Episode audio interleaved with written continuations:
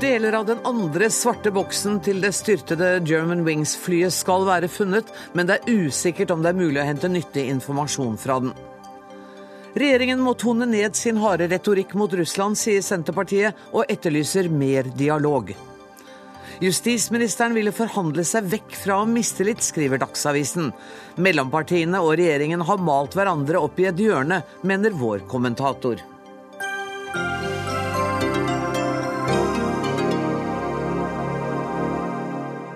Dette er onsdagens utgave av Dagsnytt 18, der vi også møter skuespiller Anne Marit Jacobsen, som for tiden gjør stor suksess med sin Jon Fosse-forestilling.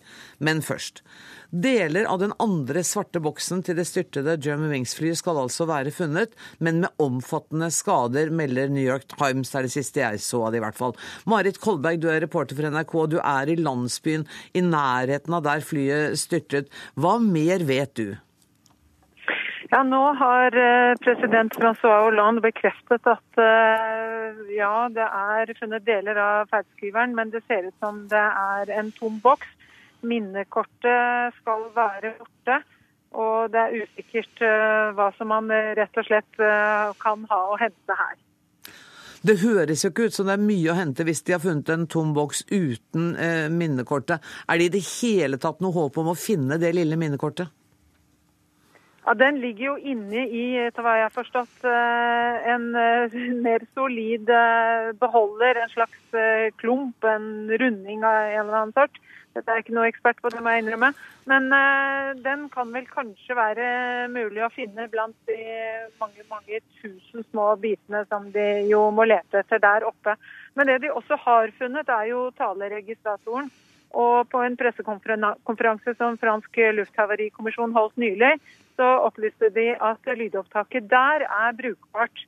Og at de venter å kunne si litt mer om uh, hva som kan ha skjedd i løpet av uh, et par dager. Og det siste nye jeg så før vi gikk på lufta, var at foreløpige analyser viser iallfall at det er ingenting som kan uh, tyde på at det var trykkfall som førte til denne ulykken.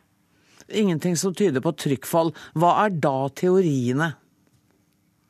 Nei, De holder alle muligheter eh, åpne her, eh, blir det sagt. Eh, men ekspertene sier at med så små vrakdeler som det man ser her, det er ikke vanlig ved eksplosjoner, ble det forklart ved pressekonferanse. I pressekonferansen. Og utover det så ble ikke dette utdypet nærmere. Nei, Bortsett fra at alle da tenker at da har man avkreftet en mulig teori om terrorisme, hvis det ikke var en eksplosjon. Det er vel eh, den eh, naturlige konklusjonen, vil jeg tro. Mm. Du, flyet styrtet jo, som vi har sett bilder av, i et svært vanskelig fjellterreng. Eh, vet du noe mer om åstedet?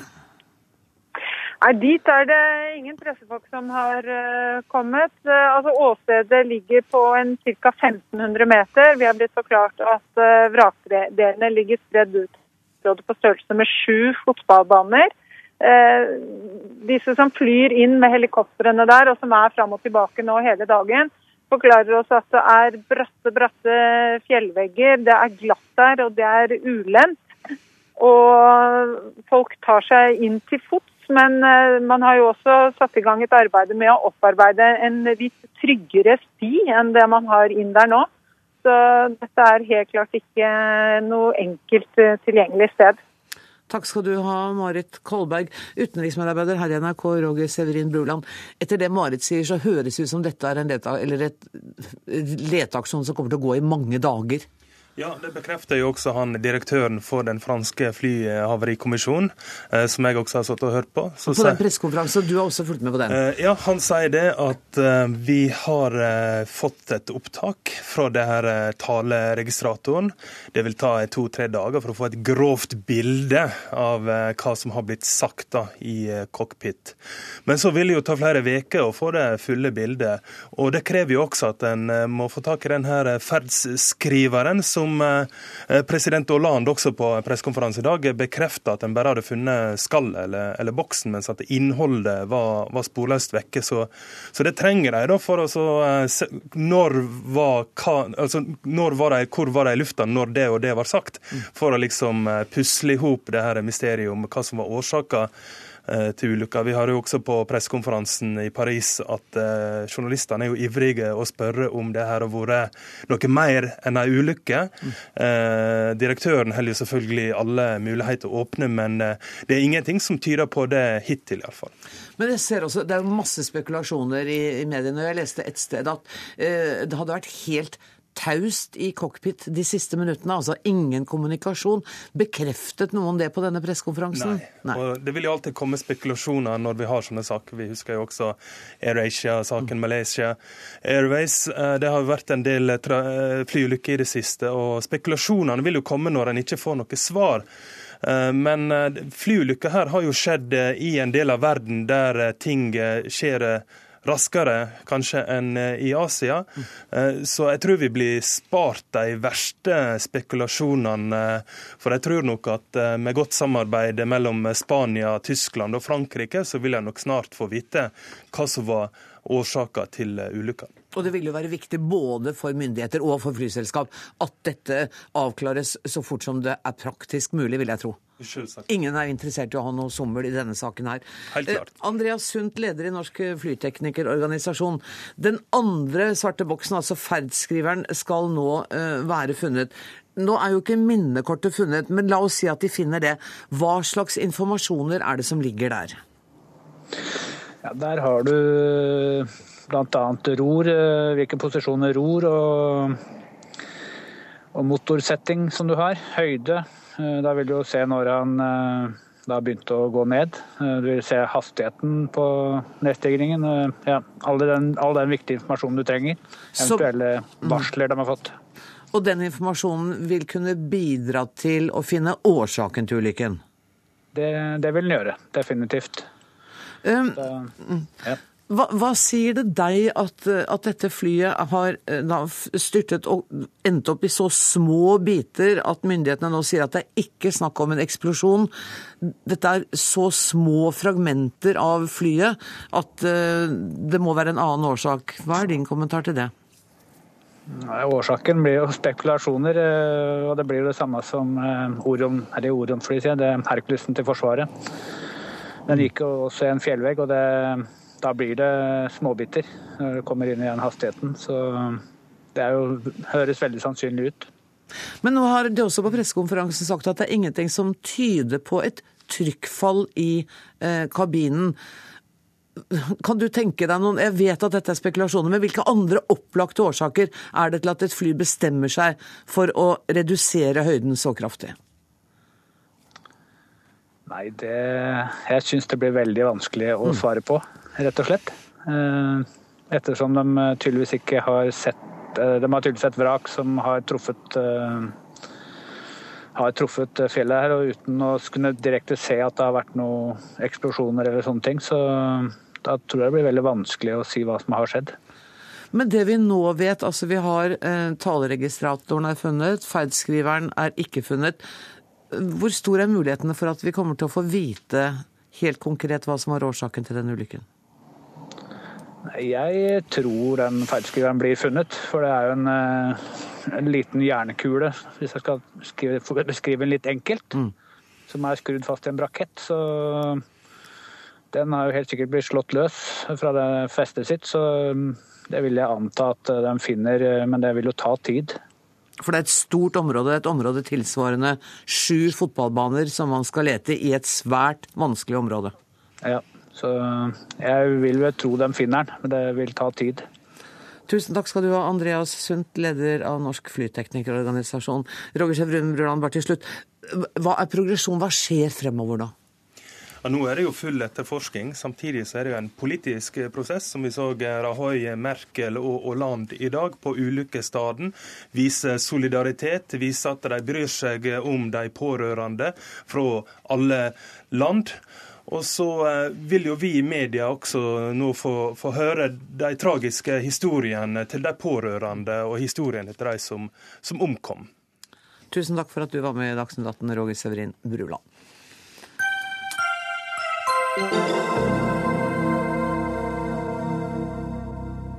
Og så til norsk utenrikspolitikk. Norges forhold til Russland blir aldri det samme etter Vladimir Putins angrep på Ukraina. Det mener forsvarsministeren. I forrige måned sa hun dette til CNN og sa at det var umulig å gå tilbake til det normale forholdet til vår nabo i øst. Eh, og denne typen retorikk har fått deg til å reagere, Liv Signe Navarsete, du sitter i utenrikskomiteen for Senterpartiet. Er ikke dette bare en logisk konsekvens av den utenrikspolitikken som Putin har ført? Eh, det kan du kanskje tenke. Eh, men det som ble sagt på CNN, og nå har jeg sett intervjuet flere ganger, det, det, der sier jo forsvarsministeren at hun sier there is no going back to some sort of normality or some sort of back to normal business. Altså hun sier at... Vi, vi, vi kan koste på oss å høre det ordentlig. Ja. Vi, la oss høre på forsvarsministeren. When the dust settles and we come to some sort of political agreement on Ukraine, uh, we are faced with a different Russia. it is no going back to some sort of normality or some sort of, of back to normal business because that normality does not exist. Nettopp. Det var det du skulle sitere. Ja, ikke sant. Og det, det, det, var det jeg reagerte på. Eh, for jeg syns det er en ganske aggressiv retorikk. Jeg står fullt og helt, og Senterpartiet står fullt og helt sammen med regjeringen og resten av Stortinget både på sanksjoner og på at vi skal ha ei både fast og tøff linje mot, eh, mot Russland. Eh, samtidig så reagerte jo til og med programlederen på CNN på, på at forsvarsministeren faktisk har en mer aggressiv retorikk enn enn til og med USA og andre Nato-land har. Eh, og, og det, det, trenger kanskje ikke Norge ha. Eh, fordi at vi har ei historie sammen med Russland. Det er, det er jo et naboland. Vi har et nordområde som, der vi har et nært og, og godt samarbeid med russiske naboregioner. Og Det er jo viktig at vi kan fortsette med det. Det er viktig at vi kan òg være et land som kan bidra til, på et eller annet tidspunkt, og det jeg vet ikke når det kan bli, å, å få normalisert forholdet igjen. Så Derfor så jeg synes jeg det er viktig at vi gjør det som regjeringen har sagt i, i, i den tiltredelseserklæringen sin, eller samarbeidserklæringen sin, men at en skal ha som mål å ha et godt forhold til Russland og jobbe mot det, selv om vi i dag på, akkurat i dag, og sånn som situasjonen er nå, og i nærmeste tid ikke har det, så må hele tiden målet være å finne en politisk løsning på det som skjer i Ukraina. Og vi hjelper ikke det ukrainske folket med tøff og aggressiv retorikk. Vi hjelper dem gjennom å bidra til sanksjoner og til en fast linje, men òg bidra til at vi får en politisk løsning eh, på den konflikten. og det overgrepet som Russland gjør mot Ukraina. For det må få en løsning, og det må være politisk. Det må være en politisk lønning. Bård Glad Pedersen, du er statssekretær i Utenriksdepartementet. Jeg skulle bare introdusere deg ordentlig før du fikk ordet. Tusen takk, Det, det er klart at det må være en politisk løsning, og det må jo vi bidra eh, til. Og en del av måten vi kan bidra til det, er å være tydelig på at de folkerettsbruddene som Russland er ansvarlig for, er uakseptable. Og vi står fullt og helt sammen med våre partnere i EU og våre allierte i Nato og reagere på det. Det som ble spilt av her fra forsvarsministeren, er jo overhodet ikke aggressiv retorikk. Det er å være tydelig på at det Russland gjør i Ukraina, påvirker deres samarbeid, ikke bare med Norge, men også med uh, alle andre land. Men hun sier, hun, hun sier, jo her at vi kommer aldri tilbake til det forholdet vi har til Russland i dag, etter dette. Nei, hun, det sa hun ikke, men hun sa at vi kan ikke gå tilbake. Nettopp. Det er opp til Russland nå og eh, ta politiske beslutninger som bidrar til å roe ned situasjonen, til å stoppe folkerettsbrudd eh, for at vi skal få til en normal. Jeg må si at jeg er overraska over dette utspillet til, fra Senterpartiet. Og jeg er ikke minst overraska over eh, tidspunktet for dette utspillet kommer. For det kommer jo en måned etter forsvarsministerens intervju. Men det kommer dagen etter at den russiske ambassadøren til Danmark er ute i danske medier og sier at hvis Danmark stiller opp for Natos eh, missilforsvar, et beslutning som ble tatt da du satt i eh, regjering, så vil russiske atomvåpen rettes mot danske militære mål. Da ryker Navarsete ut eh, i Klassekampen og sier at det er den norske retorikken som er problemet. Her må vi stå sammen, reagere på Russland, samtidig som vi selvsagt er tydelige på at dette er fordi at vi ønsker samarbeid, at vi står opp for reglene for samarbeid. For det første så har ikke Navarsete verken rykka ut eller hatt noe utspill. Jeg fikk et eh, spørsmål på landsmøtet vårt fra en journalist i Klassekampen om hva jeg syns om eh, det intervjuet med forsvarsministeren og hennes uttaler faktisk sier at 'there is no going back'. Mm. Det, er, ingen, på ingen vei tilbake til et normalisert forhold. Og det sa jeg, og, jeg, og det var det jeg svara på. Det var akkurat det. Og det vil får vi holde debatten på det som jeg har svart på, og så får eh, media legge ut hva de vil. Jeg må være i spenning på om du skulle korrigere det som står i Klassekampen. For her står det, her står det regjeringens retorikk overfor Russland er altfor hard. Vi har vært helt tydelige på at folkerettsbrudd er uh, uakseptabelt. Du har jo støtta opp, opp om at vi Det er veldig greit å få snakke ferdig. Sånn avbrudd tror folk syns det er ganske irriterende. Altså, Jeg har svara på en Jeg har ikke hatt et utspill, som det blir eh, og det, det, er for, det er for et tidspunkt eh, ikke mitt og ikke valgt. Men jeg tenker at det, det er to viktige ting. Vi må tenke hvordan skal vi få et best mulig utfall for Ukraina, og vi må tenke hvordan skal vi ivareta tryggheten for Norge. Og hvordan kan vi gjennom vår opptreden bidra til å kunne være en slags, en slags brubygger, som Norge ofte har vært, mellom eh, Russland og andre land. Og da bør ikke vi ha en retorikk som, eh, som, spisser seg og sier at vi kan aldri gå tilbake til et normalisert forhold. Det, det, bør vi kunne gjøre på et eller annet tidspunkt, når vi har funnet en god politisk løsning når Russland har eh, tatt til vettet, får vi tro, eh, og normalisert sitt forhold til sine naboland. Men Det tidspunktet er ikke i dag.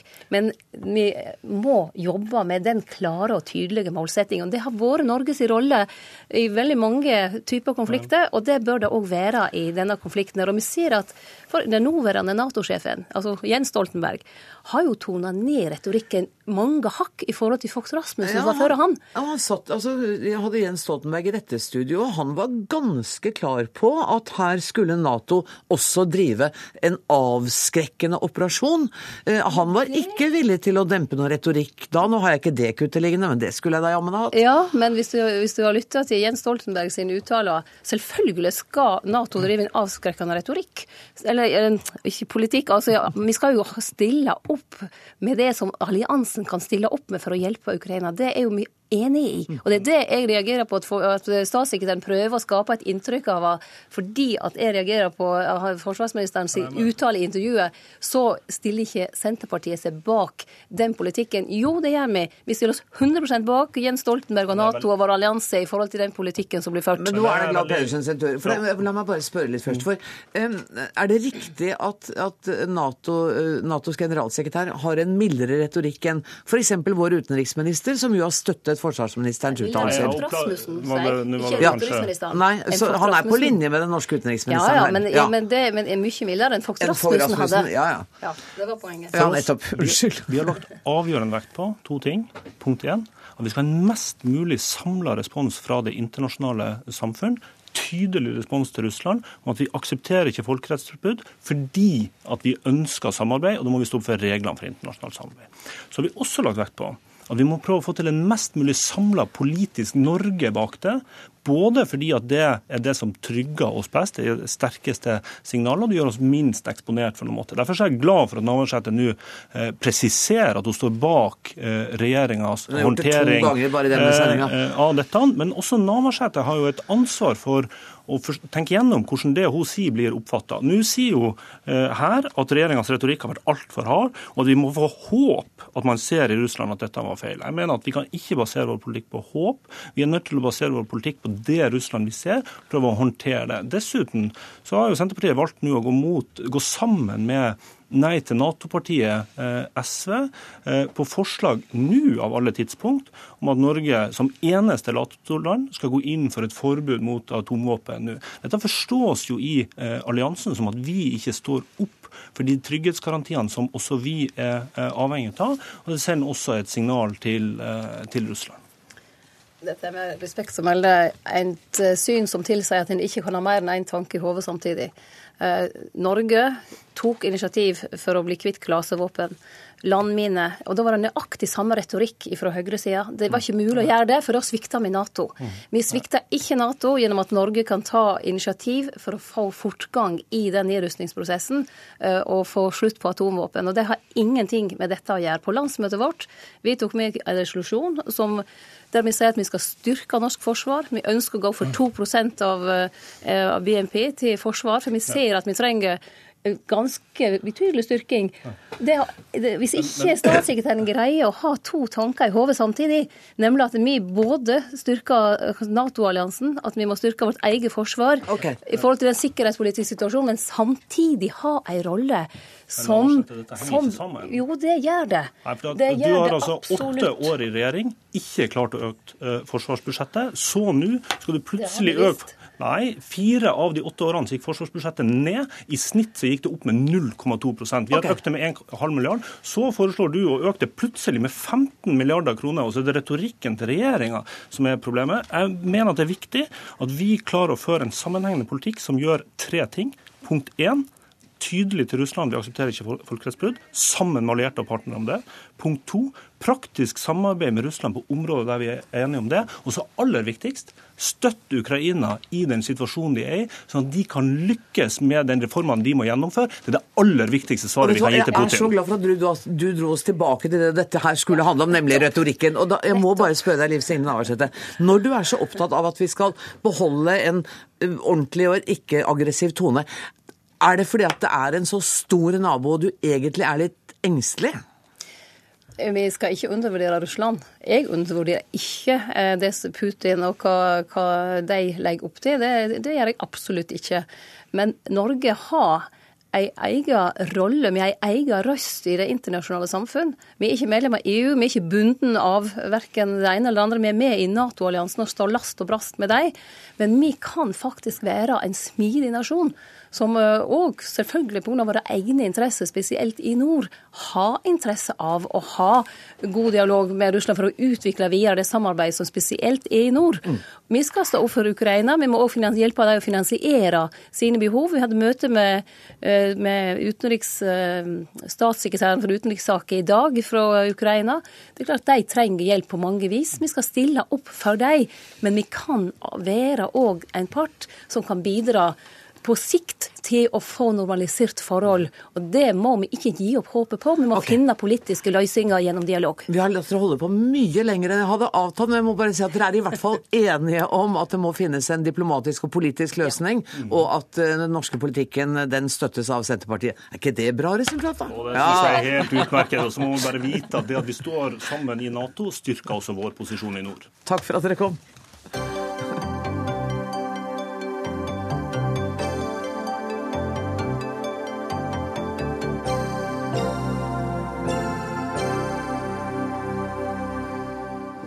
Det ble god stemning i studio her på slutten av denne debatten. Vi får håpe det fortsetter. For vi har lenge hørt om hvordan regjeringen vil ha strengere krav til universiteter og høyskoler.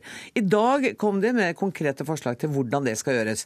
14 universiteter og høyskoler skal bli til fem, og det totalt uten bruk av tvang, ikke sant, Torbjørn Røe Isaksen, kunnskapsminister for Høyre? Ja, det er sant. Vi har hatt en åpen og insisterende prosess, eh, men vi, vi, har ikke startet med tvang og pisk. Og Det tror jeg har vært en av grunnene til at vi har kommet såpass langt.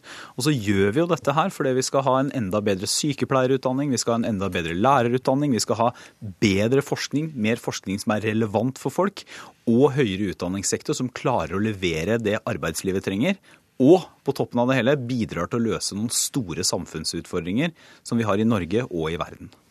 Når du insisterer sånn, så ville ikke jeg turt noe annet enn å slå, slå meg sammen heller.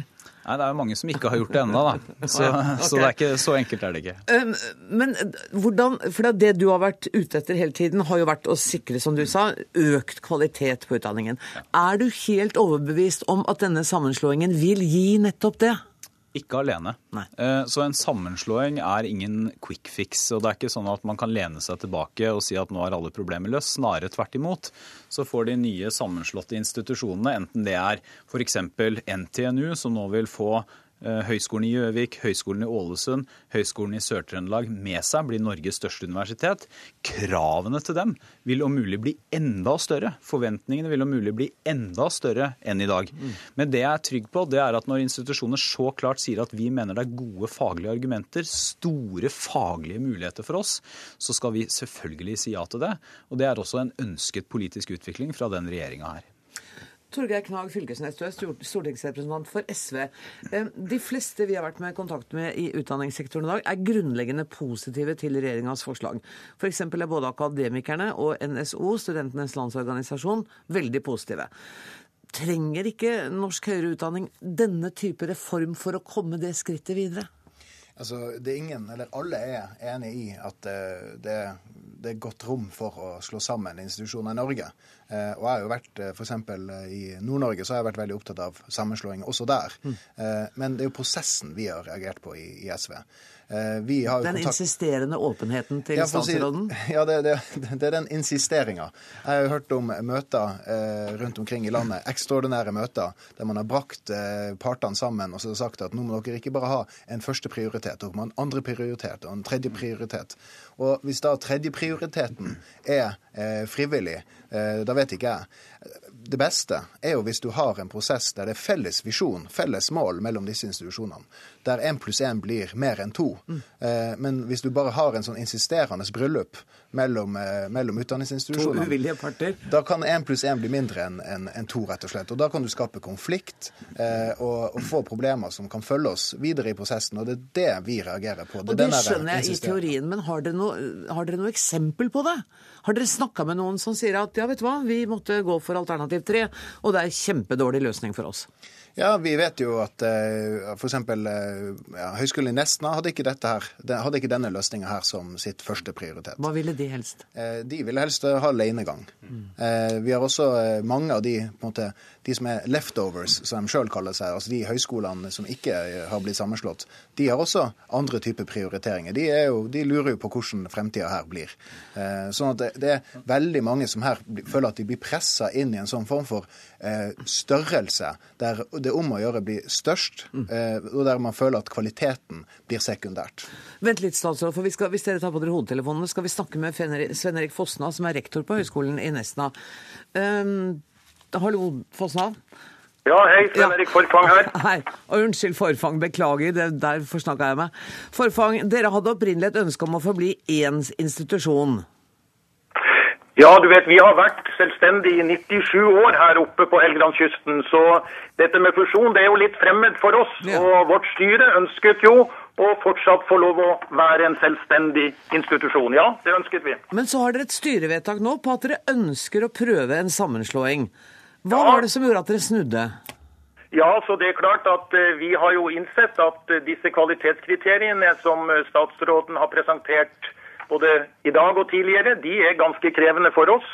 Og vi har da funnet ut at vi ønsket å gå sammen med andre for å se om eh, det kunne bli en spennende eh, fusjonert institusjon som også kunne ivareta noe av det som vi mener har vært vår styrke gjennom de 97 årene vi har vært en selvstendig institusjon. Så ikke noe tvang, bare en eh, åpen insistering? Vel, altså Når statsråden sier at det skal være to universiteter i Nord-Norge og Samisk høgskole, så, så, har vi vel kanskje ikke så mye valg, nei.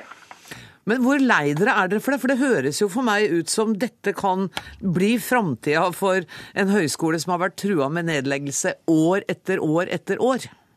Ja da, det ligger jo selvfølgelig noen muligheter også i dette her. Nå har jo vi aldri hatt noen ambisjon om å bli et universitet. Men nå ser det jo ut som vi da kanskje kan bli en del av det, og det ser også ut som vi kan bli en del av Norges lengste universitet. Det er jo snakk om et universitet her fra Trondheim til Andenes. Det er en avstand på 1000 km. Det er nesten litt voldsomt for oss som er vant til små forhold. Men, men er det sånn politikerne vil ha det, og er de villige til å stille ressurser til rådighet for at vi skal lykkes med dette her, så, så, kan, så, vil vi være med på ferden. Vet du hva, eh, Svein Erik Forfang, rektor ved Høgskolen Nesna, tusen takk for at eh, du var med. Torbjørn Røe Isaksen, altså litt påvirkning eh, og litt insistering, men ja, han ville ikke gå så langt som til å si at det var tvang. Nei, men, men selvfølgelig. Jeg har ikke tenkt å sitte verken her eller andre steder og unnskylde meg for det jeg tar politisk ansvar. Nei, altså, mente altså, ikke heller at du skulle. Nei, nei, men bare, og det er litt viktig å si. Altså, og alt som, som SVs representant beskylder meg for, anerkjenner jeg at vi har gjort. Det mener jeg er helt nødvendig og viktig å gjøre også. Altså Det er altså et politisk ansvar hva slags struktur vi skal ha på universitets- og høyskolesektoren i Norge. Mm. Eh, og så er det kloke og mindre kloke måter å gjøre det på. Den mindre kloke måten å gjøre det på er å komme med et kart og en pisk og si 'slå dere sammen'. Jeg mener at den kloke måten å gjøre det på, er å ha gode prosesser, men være insisterende og tydelig på hvor vi skal. Og Det er jo grunnen til at vi nå på uh, knappe to år har kommet lenger i denne prosessen, basert på analysen som den rød-grønne regjeringen også hadde, enn man kom i løpet av åtte åtte rød-grønne år. Eh, så det har jeg ikke tenkt å unnskylde meg for. Snarere tvert imot så mener jeg at det har vært veldig klok og fornuftig politikk. Og jeg mener at sektoren har, som Høgskolen i Nesna har, eh, svart veldig godt på det. Og så er jo det Utfordringen nå er å sikre det som er kjernen i f.eks. det Høgskolen i Nesna driver med. Det de gjør, er jo å levere kompetanse, arbeidskraft, til Helgelandsregionen. Det må de fortsette med. Det er et viktig oppdrag de har, og det oppdraget skal styrkes, ikke svekkes. Men for dere i SV mener vel også at det ikke er noen grunn til å skrubbe og sette hælene i bakken for mye for denne, denne reformen her? Nei, vi, vi, vi, er opptatt av at det skal eh, være et, målet med hele den prosessen her skal være at det blir bedre undervisning og bedre forskning og samfunnsoppdrag blir sterkere osv. Men jeg syns at ministeren avslører seg litt når han sier at han har klart å få til mer enn det eh, den rød-grønne regjeringa fikk i åtte år. For målet her må jo ikke være å få til flest mulige sammenslåing i løpet av kortest mulig tid. Eh, det er akkurat som at det er det som er suksessfaktoren her. Har Røe Isaksen gjort en god jobb eller ikke? Ja, hvor mange sammenslåinger har han fått til? Poenget her må jo være å skape gode prosesser, og det, det, er jo det det ikke har vært. Her har man rett og slett pressa folk sammen. Eh, og, og, og, der det er nesten litt sånn ugunstige forhold for godt samliv. Eh, og Så får vi bare se om dette blir bra eller ikke. Men eh, den forutgående prosessen virkelig, der man skal finne de felles målene, de, de, felles visjonene, den tilliten mellom disse partene, det er den som har vært fraværende. Så Her opplever folk at de har blitt pressa inn i en situasjon og da vet vi ikke hva som kommer til å skje i fortsettelsen. Så jeg, frykter at det her, dette blir en kvantitetsreform der det er størrelse som, som blir målet, eh, og der kvaliteten, eh, den, den, får vi nå se på. Dette syns jeg blir veldig generelt. Eh, veldig høytsvevende. Veldig mye ull, veldig lite innhold. La meg ta et eksempel. Eh, jeg nevnte NTNU, Høgskolen i Sør-Trøndelag, eh, Høgskolen Gjøvik og Høgskolen i Ålesund. Den fusjonen og sammenslåingen er så populær at Gjøvik Senterparti er for det. Eh, bare for å illustrere det. Altså, I Ålesund så har de hatt en lang prosess, ja.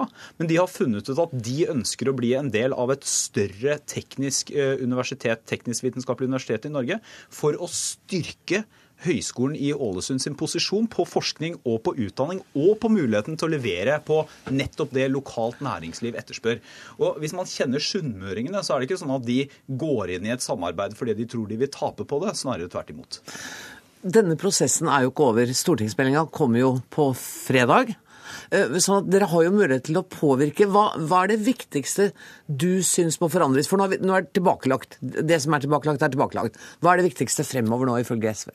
Ja, altså, Kunnskapsministeren har gjort et som PR-kupp der han først presenterer eh, litt og så kommer, får vi andre da se meldinga først på fredag. Eh, så vi skal jo gå grundig gjennom det, som Da er det jo tilfellet jeg som har gått på det kuppet, da, som har invitert dere i dag to dager vi, før Vi har vel alle dansa rundt det kuppet der, for å si det sånn. Men eh, for oss så blir det SV sin rolle her blir å sikre at det er, det er kvalitet eh, som er styrende, og ikke bare tall eh, mengde på antall publiserte artikler eller hvor store institusjoner dette her er, men at det er, det er det som blir det grunnleggende her. Og at vi har utdanning i hele landet. Eh, at vi får eh, det samfunnsoppdraget dekt. Hvis ikke så mener vi at dette her blir en mislykka og kvantitetsreform. Men dette vil jo være prinsipper som statsråden er helt enig i? At det skal være utdanning i hele landet, og at det skal være høy kvalitet? Det er jeg helt enig i, og kvalitet er en ledestjerne. Men det er veldig viktig for meg også å si at det er ingen grunn til å undervurdere hvor vanskelige og kompliserte sammenslåingsprosesser kan være. Så Det krever grundig planlegging, grundig forberedelser. Det krever eh, godt arbeid lokalt på institusjonene. Og ikke minst hvis man skal få ut noen av mulighetene som ligger i sammenslåinger, så krever det også prioriteringer og vilje til å satse fra institusjonene og fra eh, regjeringa. Det skjønner jeg. Når ser du for deg at du kan høste fruktene av en vellykket omorganisering? Hvor lang tid vil det ta? Jeg, jeg tror for noen av institusjonene så tror jeg man vil se frukter av det ganske raskt. Eh, F.eks. med kobling mellom forskjellige fagmiljøer. At noen av institusjonene som kanskje i dag eh, har svake miljøer, vil kunne få tilført kapital, eh, penger, ressurser for å bygge opp sterkere miljøer. Mm. Det tror jeg man vil se raskt. Men dette er jo en reform for de neste 15-20-30 åra.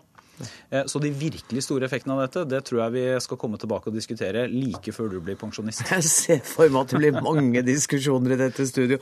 Og det er heldigvis lenge til jeg blir pensjonist. Takk for at dere kom. Tusen takk skal dere ha, Sven, eh, nei, Torgeir Knage Fylkesvik og Torbjørn Røe Isaksen.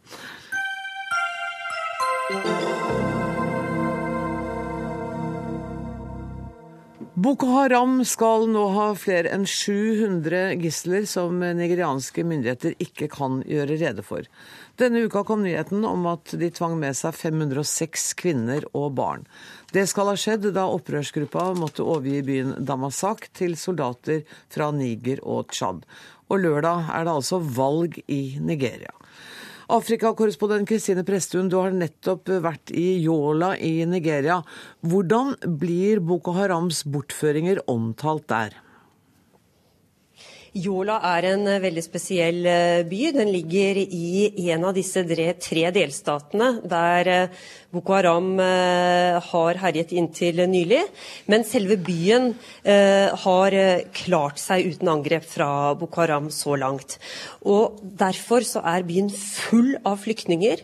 Mennesker som har opplevd forferdelige overgrep fra Boko Haram og Der fortalte noen av dem i går om denne massebortføringen. Så ble de fortvilte og oppgitte. For dette er mennesker som nå egentlig har et håp om at de kan reise tilbake til hjemstedene sine.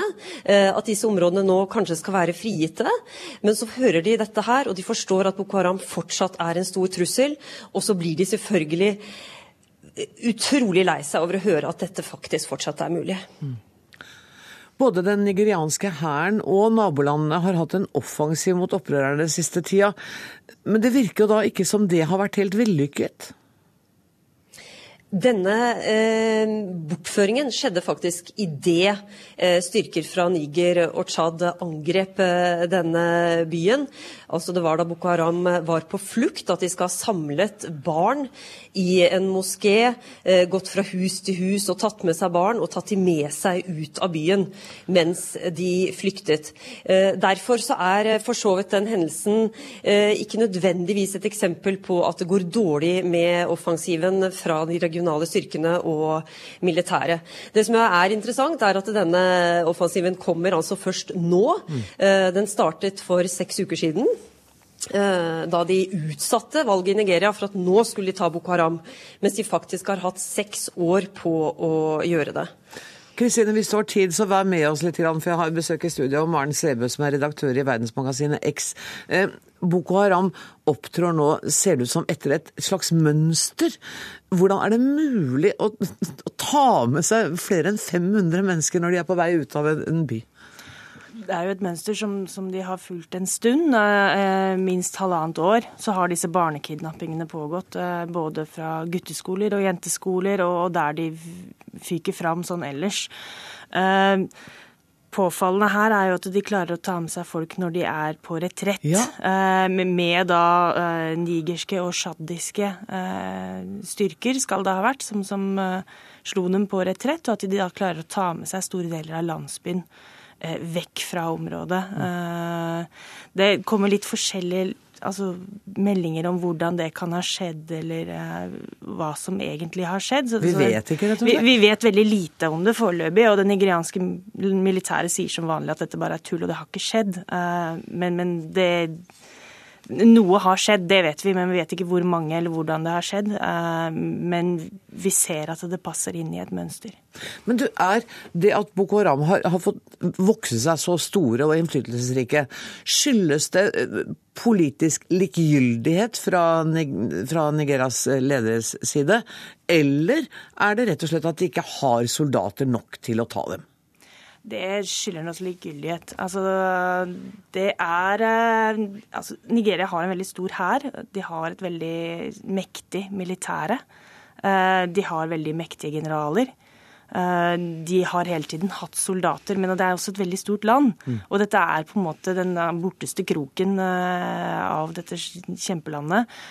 Og det er jo mye som tyder på at de ikke har tatt dette alvorlig nok. Fordi det skjer litt langt unna hovedstaden? Det skjer litt langt unna. Det, er, det, er folk, eh, det, rammer folk som på en måte ikke har noen konsekvens for, for eh, myndighetene. Dette Men nå begynner jo verdenssamfunnet å se det. Er det grunnen til at man politisk også begynner å, i hvert fall begynner å se nærmere på dette problemet? Ja, altså man sier jo at man starta en offensiv mot Boko Haram før verden på en måte oppdaga problemet, men, men, det skjedde veldig lite før denne kidnappingen i, i våres av disse jentene fra Shibuk. Mm. Eh, så skjedde det gradvis mer ettersom det internasjonale samfunnet ble oppmerksom. Man fikk et press både internt i Nigeria og, og også internasjonalt. Eh, og så har det da skjedd veldig mye nå de siste ukene. Når da eh, det virker som man har kommet til en slags regional enighet. Man har fått et press fra Den afrikanske union på at nå må man rydde opp i dette. Ehm, så raskt som de faktisk nå har rykka fram, så kan man jo lure på hvorfor de ikke gjorde det før. Kristine um, Presttun, det nærmer seg altså valg. Um, hvordan er stemningen før dette valget? Nå kom jo bare for en times eh, tid siden beskjeden om at eh, Nigeria stenger grensene sine til land og til sjøs fra midnatt i dag og til eh, ut valgdagen på lørdag. Og Det er for så vidt et, et tegn som sier noe på om den spente situasjonen som er rundt dette valget. Mm. Altså Det er 68 millioner 800 000 mennesker som har uh, mulighet til å gå og stemme. Og det er et reelt spennende valg mellom to kandidater, den sittende presidenten Goodluck Jonathan og uh, opposisjonslederen eh, Muhammadu Bahari. Og det at det er et jevnt valg, øker også spenningen og muligheten for politisk vold i etterkant, hvis vi får et jevnt resultat. Det så vi etter valget sist. Da ble rundt 1000 mennesker drept og flere 1000 ble interne flyktninger i, i landet.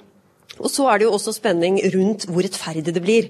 Og de jeg har snakket med, de håper nå at det for første gang kan bli et ordentlig rettferdig valg, fordi det er innført sånne elektroniske stemmekort, eh, som alle har personlige kort, som skal hindre valgfusk. Så de jeg møter, de er veldig håpefulle rundt dette valget. De betyr mye for eh, nigerianerne å gå og stemme. Eh, så resultatet blir eh, Ja, nei, det blir veldig spennende valg, dette her, Anne. Maren Sæbø, tør, tør du å gjette utfallet? Nei, altså det som man har av meningsmålinger viser veldig jevnt eh, og dødt løp. Eh, og akkurat hvor spent dette er altså sånn, Nå gikk tidligere president i, i Nigeria Olusegun Obasanjo ut i går og advarte militæret mot å gripe inn. Mm. Eh, og, og, når du har et valg under de forutsetningene, så, så, så sier det ganske mye. Og Boko Haram, har de sagt at de støtter noen av kandidatene? Vet vi noe om hvor de står politisk? De ønsker å få vekk hele det politiske systemet i, i Nigeria. Så de ønsker generelt kaos. Generelt kaos. Det håper vi de ikke får. Tusen takk for at du kom, Maren Saubø. Takk også til Kristine Prestun fra Nigeria.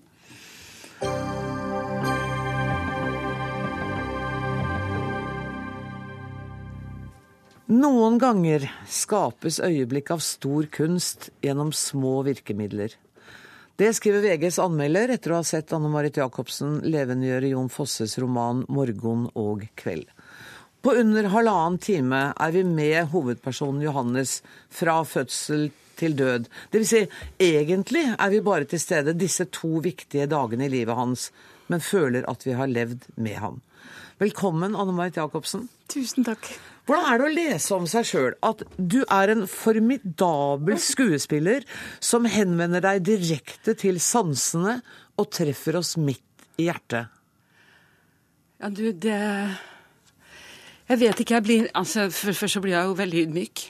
Altså, jeg, eller Det er så rart å si det. Jeg vet ikke hvordan jeg skal svare på det, Anne. Fordi at det, det, har vært så enormt og så viktig for meg, dette her. Og så få en sånn tilbakemelding som jeg jo har fått. Det er ikke til å bære, nesten. Det vet du, det skjønner jeg. Ja. Merket Også, du det på publikum jeg, jeg på premieren? Men Nei. Det blir litt sånn, det blir litt sånn uh, overfokus på det. Nei. Nei da, men Nei. jeg er bare overlykkelig. Og det har vært så viktig for meg å få lov til å formidle dette her og gjøre det uh, gjøre Fosse på Nationaltheatret. Og at jeg har hatt en teatersjef som har uh, på en måte gått med på de sprø ideene jeg har hatt, liksom. Ja, for det er galskap, vet du. Nei, du har gjort om en roman. Jo, vet du hva? Du har gjort om en roman. Jeg har ikke gjort det. Hildegunn Riise har gjort det. Men du hadde ideen. jo, og jeg har jo vært med på det litt også, men det er hennes store på en måte den derre Å ta hele den svære romanen ned til et språk som fungerer så utmerket å jobbe med. Og det spiller Altså, det er så utfordrende og så gøy å gjøre det. Og liksom, jeg befinner meg jo midt inni et stort kunstverk. vet du. Både tekst og hele den dekorasjonen til Åse Jones og det lyset som er satt, Og ikke, for ikke å snakke om Benedicte Maurseth, som spiller hardingfele. Å få lov å bruke de elementene på Nationaltheatret, nynorsk, Jon Fosse, Benedicte Maurseth For meg så betyr det alt, altså. Det er så gøy. Jeg er helt overveldet. Men, men du, og du må jo Jeg har bare sett det én gang, jeg var på premieren. Og det sitret i amfi. Ja, det, var, det, var, det, har aldri opplevd et så stille teater. Og så var det sånn at folk nesten ikke turte altså De ville at det skulle vare, så det, du måtte vente litt på applausen. La du merke til det? Det tok litt tid. Jo, men det er jo, en, det er jo en, en, Utgangen er jo på en måte så skjør at du tør jo nesten ikke Selv jeg tør nesten ikke å røre meg på slutten der. Men også da, når folk puster etterpå, for det går jo ut igjen en sånn slags ikke sant, Å beskrive de få sekundene hvor du blir født, og de sekundene hvor du, alt det som skjer inni et hode. Hvordan kan et menneske nærme seg det, liksom? Det må bare en så stor mann som Jon Fosse til. Det er så gøy, altså. Og så helt pragmatisk. Hvordan jobber man med å lære seg den teksten? Må... Du, vet du hva? At det er noe av det vanskeligste jeg har gjort i mitt liv. For det er usammenhengende. Det er en lyrisk tekst som er på en måte bare Den er assosiativ Altså, den er på en måte Den har ingen egentlig sammenhenger, så jeg har måttet lage meg sånne linker for å kunne det. Men når det sitter, så sitter det jo, da. Og så er jeg veldig takknemlig for at huet mitt fungerer sånn som det gjør. jeg tenkte dette. I en periode så var jeg sånn at jeg tenkte Dette vet jeg ikke om jeg tåler. Men jeg greide det. Det var gøy. Mm. For det er altså over halvannen time? eller? Ja, en, halv, litt i underkant av halvannen ja. time? Og jeg går jo inn, Det er jo en roman, så jeg leser det jo, men det meste kan jeg jo utenat. Og mer og mer kan jeg vel. Men det er jo en litterær tekst som jeg leser, og som jeg på en måte Så fungerer det sånn at jeg på en måte forsvinner inn i den teksten og blir en del av det på en annen Sånn som det er når man leser. Av og til. Så glemmer man jo at man leser av og til. Når man leser gode ting. Ja, ikke sant. Sånn er det. Vet du hva, Anne Marit, jeg må spørre deg, om, og du kommer til å hate meg for dette spørsmålet. Fordi Nei. Eh, veldig mange av oss husker jo fremdeles din Hedvig, Fjernsynsteatret, i 1970. Altså, ja, det vet du hva. Og, og, den, og, de andre kyllingene og hønene jeg har gjort. Mange. Men den har jeg gjort, ja. Mm -hmm. og, og, den sitter så fast. Og Jeg lurer på, hva er, det, hva er det du har gjort som gjør at du har klart gjennom disse årene å beholde denne litt naive sårbarheten, denne hudløsheten, at ikke livet har liksom gjort deg også, sånn som vårs andre, litt tøff og litt Jo, men den har vel kanskje det, men allikevel så ja, jeg vet ikke hva jeg skal si, men har, hvordan jeg kan forklare Det er vanskelig å si det, men det er noe med et eller annet med at hvis ikke du Du må by på deg selv, men du må heller aldri gå så langt at du går over en grense. Lærte min mor meg som var sangerinne. Og det er at du må gå så langt at du nesten stuper over grensen, men aldri så langt at du går over. Og da oppnår man kanskje en sånn slags sårbarhet, da. Og den er jo iboende i oss alle. Men det er noe med at i en sånn tekst som jeg nå holder på med, og også Villanden og alle de seriøse, altså de alvorlige tingene jeg har gjort, da, men også i komedien Så hvis man ikke har en troverd, hvis ikke jeg har bånder i deg sjøl, så går det aldri over, altså. Jeg merker det så tydelig. De gangene jeg har følelsen av at jeg spiller, så blir jeg sånn åh. Jeg blir sånn ekkel i meg sjøl, hvis du skjønner. Så jeg har lyst til å si unnskyld, kan jeg få ta det om igjen? Men det kan jeg ikke. Og det hadde vært deilig hvis noen hadde gjort fra en scene. Sagt beklager, dere, kan vi bare gjøre dette en gang til? Ja, det hadde vært fantastisk. Det hadde vært veldig gøy. Ja. Jeg Men, prøver jo å la være å, å komme dit at jeg, at jeg ja. ja. Du er jo ikke i nærheten. Hvor lenge skal du spille dette nå? Ja, det vet jeg. Det vet du heller ikke. Nei, det vet jeg er jo avhengig av eh, en til, da. Benedicte Maurseth, som også må kunne Jeg håper inderlig at hun kan løsrive seg fra alt det andre hun gjør.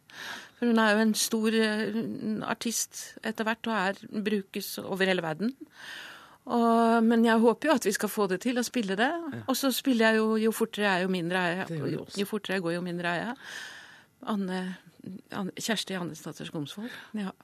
Du har i hvert fall nok å gjøre. Men du, og så må jeg høre med deg. Har du hørt synes... noe fra Jon Fosse? Hva, liker han det du Har han sett uh... Han er en veldig uh, beskjeden fyr som men jeg har også fått noen tilbakemeldinger som har vært sånn at jeg jeg har blitt veldig glad. Gjennom Benedicte, for hun står Jon Fosse veldig nær. Benedicte Maurseth. Og også Hildegunn Riise, da, så det er jeg veldig takknemlig for. Vet du hva, Jeg må bare ønske deg lykke til. Og så håpe at dette går i all evighet, egentlig. Jeg håper inderlig at jeg får lov til det. Er jo ting som man kan ta, ta opp igjen. Ja. Og så passer amfi bra. Amfiteater passer bra. Amfibra, tenkte jeg. Hva er et amfibra? Amfi, pause, bra. ja. Det passer andre steder òg, tror jeg. Det gjør det. Ja, Tusen takk for at jeg fikk komme. Åh, det var så godt å ha deg her, men eh, jeg takk må slippe inn de neste. Tusen takk for at du kom. Takk. Ha det.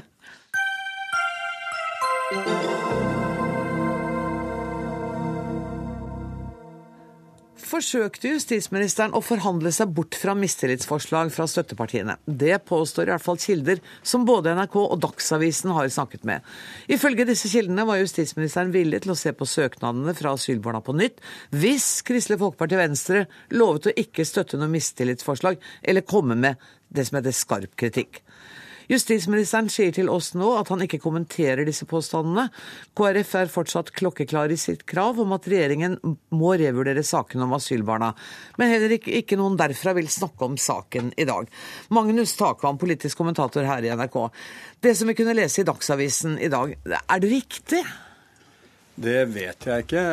Jeg har snakket i likhet med mange andre som jobber med å finne ut av dette i Stortinget i dag, om, med mange om dette. Noen eh, få sier at det er riktig, og at alle andre som sier noe annet, lyver. Eh, mens eh, de fleste jeg har snakket med, sier at eh, artikkelen ikke gir et helt riktig bilde, at det er elementer av eh, skal vi si, riktig informasjon der, men at man har eh, koblet det feil osv. Så videre. sånn at så lenge ingen eh, kan stå fram og fortelle åpent om hva som har skjedd, så er det vanskelig å vite 100% sikkert. Men det som er sikkert, er at dersom Anundsen faktisk har opptrådt på den måten som artikkelen beskriver, så er, er, jo det i skrikende kontrast til det Frp og, og for så vidt Høyre har kommunisert utad, nemlig at det ikke skulle være en kobling mellom disse to sakene i kontrollkomiteen på den ene siden og hele asylavtalen og asylpolitikken på den andre. Her skulle det i så fall ha foregått en, en hestehandel nettopp å koble det. Mm. Og også dette med at uh, det å hente eller å, revurdere en del av de uh, sakene for barna som ble sendt ut i fjor høst, ville være å gi eh, lover eller forskrifter tilbakevirkende kraft, sier jo Høyre Frp. og det det er uakseptabelt osv. Og, så og det er jo i så fall nettopp det man har åpnet for. Så har han gjort dette, så er det i hvert fall en, en, en stor tabbe. Og det er, jo, det er jo derfor også da opposisjonen utnytter dette og forlanger et svar og skriver brev og antyder ny høring om saken. Mm. Ja, for vet du hva, Det er jo akkurat i dag kommet et brev fra Per Olaf Lundteigen som sier at på bakgrunn av alvoret i saken eh, som fremkommer av kontroll- og konstitusjonskomiteens innstilling, ber jeg om at statsråden skriftlig redegjør om hva som er fakta i saken. Mm. Trine Eilertsen, du er politisk redaktør i Aftenposten. Mm. Hva betyr et sånt brev? Ja, altså det, det, er nå en del av eh, opposisjonens rolle, og ikke minst i den komiteen, å, prøve å dra denne saken så langt som man kan. Men samtidig er det helt nødvendig å stille det spørsmålet, i og med som taker Takvam er inne på, at det ikke er helt klart hva, hva type møter. For det bekrefter jo ledelsen i, i eh, KrF og Venstre, at det har jo vært møter og samtaler Eh, men, men, de vil jo heller ikke si at, eh, at det har vært en sånn hestehandelsramme rundt det, at eh, hvis vi er greie med deg, så får vi noe tilbake. Så å få litt klarhet i det er jo nødvendig. Men kommer vi til å få den klarheten? Vi, altså, vi, har jo vi har fått Anundsen er blitt presset fra skanse til skanse i denne saken, helt siden han først kom opp, helt siden han første gang sto på talerstol i Stortinget i høst og, og egentlig eh, startet bra og fikk eh, god støtte av Venstre og KrF, og han beklaget uh, i starten. Og så har det blitt verre og verre. Og Det som nå er, er det store problemet til regjeringen og samarbeidspartiene, det er at de har presset hverandre opp i et hjørne. Mm. Eh, KrF har gått veldig høyt på banen. Eh, Hareide sier at det ikke er et ultimatum. Men det finnes jo ikke et menneske i Norge som ikke tolker det som et ultimatum når han sier hvis ikke vi får en ny vurdering av disse utsendelsene, så, så har vi et problem. Eh, det høres ut som et ultimatum. Og så sier Frp, og særlig stortingsgruppen til Frp, er veldig veldig tydelig på at dette kan ikke vi gå med på. Altså, De vil ikke gå med på dette for å redde sin egen statsråd. Så det begynner å bli ganske pikant også i den sammenheng at Frp Frp står med en statsråd som sitter litt løst i stolen, rett og slett, hvis han plutselig ikke har tillit engang for sine egne. Ja, Det mener du, men, men samtidig så sier han altså denne forskriften som kom var det 8. desember, den, den, kan ikke ha tilbakevirkende kraft. Så sånn sett så har jo Anundsen sitt på det tørre, da. Eller? Så det er jo en formalistisk tilnærming som isolert sett er riktig. at I Grunnloven står det at lover i Norge kan ikke ha tilbakevirkende kraft. Men eh, juristene peker jo på eh, bl.a. at altså, de, den formuleringen i Grunnloven er tenkt for å beskytte in, individene i Norge mot, eh, mot overgrep. Eh, og at tilbakevirkende kraftpraktisering ville være til ugunst for individene. Det er ikke noe, mener de, som, som er i veien for å eh, ha tilbakevirkende kraft hvis det er til gunst for borgerne. Det er nå en, en, juridisk diskusjon. Men det er heller ikke noe i veien for å gjøre et, la oss si, kalle det et mini-amnesti eller mm. noe sånt à la det de fire partiene ble enige om Eh, da de lagde og konstruerte denne engangsløsningen for de lengeværende barna til å begynne med, den er jo per definisjon en, en avtale som jo eh, gjør at disse barna skulle få en ny behandling. Så at hvis det er politisk vilje og, og, og evne da, blant disse fire partiene, så, så, kan man finne en løsning som eh, alle parter burde være fornøyd med. fordi det, det, de snakker om, er å få en ny behandling på basis av en mer skal vi si, liberal forskrift som alle fire er blitt enige om. Mm. Altså, det er ikke en uh, revolusjonær ny politikk det er snakk om. Sånn at uh, her tror jeg det er riktig som Trine Eilertsen er inne på, at det, er, det vil oppfattes blant mange Frp som så ydmykende for dem at det er det det henger på. Men er du enig med Trine Eilertsen i at eh, justisminister Anundsen sklir lenger og lenger mot kanten av statsrådtaburetten sin? Det kan i hvert fall se slik ut uh, nå. Men mitt inntrykk er uh, hvis de vil unngå den typen uh, utvikling, så tror jeg altså at Og det er da på en måte Erna Solberg og Høyre som er megleren på en måte mellom mellom Frp og sentrumspartiene på, på, den andre siden for å få på plass en sånn løsning som vi snakker om. Og, og den typen eh, prosess pågår jo nå, og mm. regner jeg med vil, vil eh, komme i mål om eh, ikke altfor lenge. Trine Eilertsen, hva er Arbeiderpartiets rolle nå? De er påfallende stille. Eh, Arbeiderpartiet er jo i den, eh, i den, posisjonen at de har eh, gått inn i det, i det formelle her, og ser på i hva grad statsråden har informert Stortinget. Men i sak så er jo ikke de et annet sted enn de var da de satt i regjering. Og de er ikke opptatt av å få ny behandling av asylbarna, og, og er egentlig ikke aktive i den diskusjonen. Nå er det jo SV som har initiativ i den saken og har et forslag i Stortinget der de ber om at alle alle som ble sendt ut eh, av de familiene i fjor, får en ny behandling. Og som, som enkelte stemmer sier, eh, de kan faktisk nå, regjeringspartiene og samarbeidspartiene, komme i en situasjon der de startet med en asylbarnavtale i høst som alle var fornøyd med, mm. som egentlig var en stor seier for Venstre og KrF. Kan de komme i en situasjon der SV ser ut som en vinner eh, i, i, Stortinget, og den som tar ansvar for den saken. Og Det er jo forferdelig hvis de klarer å havne i den situasjonen når de hadde en avtale. For den er det ingen som ser lenger, ingen som husker. Det er kun problemene knyttet til, til asylbarnsaken de ser. Så det har vært eh, grusomt politisk håndverk.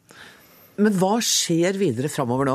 For den er jo langt fra løs, denne saken. Den er langt fra løs. Den henger eh, i luften. Og det er litt av det som gjør spenningen faktisk, når vi trodde at den var dempet litt igjen, når eh, Venstre og KrF har blitt enige om å, eh, å bare komme med sterk kritikk, så begynner spenningsnivået å tas opp igjen. fordi at nå henger det i luften. Hva skal man gjøre med KrFs initiativ? Hva skal man gjøre med det ønsket om å få en ny behandling? Og som Takvam sier, altså justisministeren har all mulig altså alle muligheter til å si at, eh, å instruere og si at jeg ønsker at disse sakene skal ses på på nytt, uten å komme i en sånn tilbakevirkende kraftsituasjon. Eh, men hans egne og hans parti vil se på det som et ekstremt nederlag, så derfor er det ikke bare å gjøre det. Men dere kommer ikke til å bli arbeidsløse på en stund. Tusen takk for at dere kom til Dagsnytt 18, Trine Eilertsen og Magnus Takvam.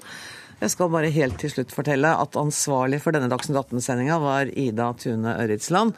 Det tekniske ansvaret er det Finn Lie som står for. Jeg heter Anne Grosvold og ønsker dere en riktig god kveld.